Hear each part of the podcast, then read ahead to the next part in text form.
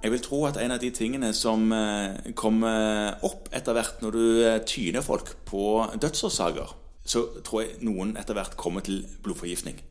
Ja, At de nevner det som en hyppig dødsårsak. Ja, iallfall som en ja, hyppig Men det kommer etter hvert hos folk Ja. på lista.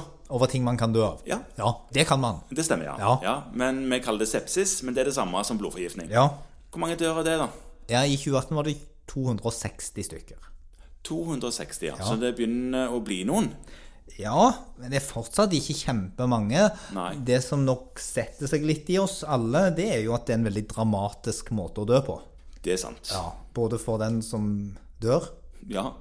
For den er det vel egentlig alltid Dette er jo ganske dramatisk uansett for den som dør. Men det du tenker på nå, er at de som står rundt og ser på den som har lidelsen Ja, for det, det går så fort. ja, og ser Ofte. Det, så, ofte så er det òg intensivavdeling involvert. Ja. Og de får symptomer som gjør at man ikke ligner på seg sjøl. Nei, for det, det som skjer, er at man får Altså, eh, du får en sånn ukontrollert organdysfunksjon, heter det på fint. Og det vil si at på en måte de kontrollerende, stabiliserende mekanismene, i- særlig i blodet ditt, de får slutte å virke. Ja.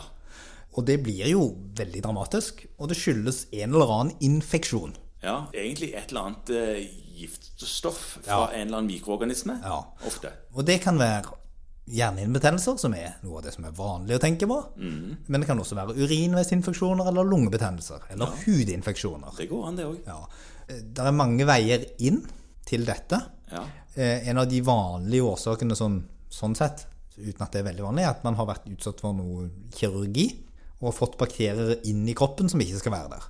Og behandlingen er jo Altså, dette presenterer seg veldig, veldig fort.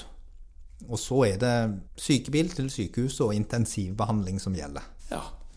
ja så dette, dette går ganske fort. Det er ikke sånn at man går med sepsis noen år før man kneler og bukker under. Nei, det er ikke det, altså. Og, og så er det Hvis du definerer sepsis, sånn som på sykehus blir koda som sepsis, Ja, så er det ca. 1 per 2000 per år. Okay. Så det er ikke kjempe, kjempesjelden, men de fleste av de blir heldigvis godt behandla. Ja, og komme seg gjennom det. Ja, og, og derfor er det også sånn at om du skulle få blodforgiftning, så er det ikke lenger sånn at det er kroken på døra. Da er det jo høydose antibiotika. Men det er en farlig sykdom, og det er viktig å ta den fort når du ser at det utvikler seg til blodforgiftning. Ja. Og det finnes det en del kriterier for. Sånne sjokkalkulatorer og sepsisskjemaer.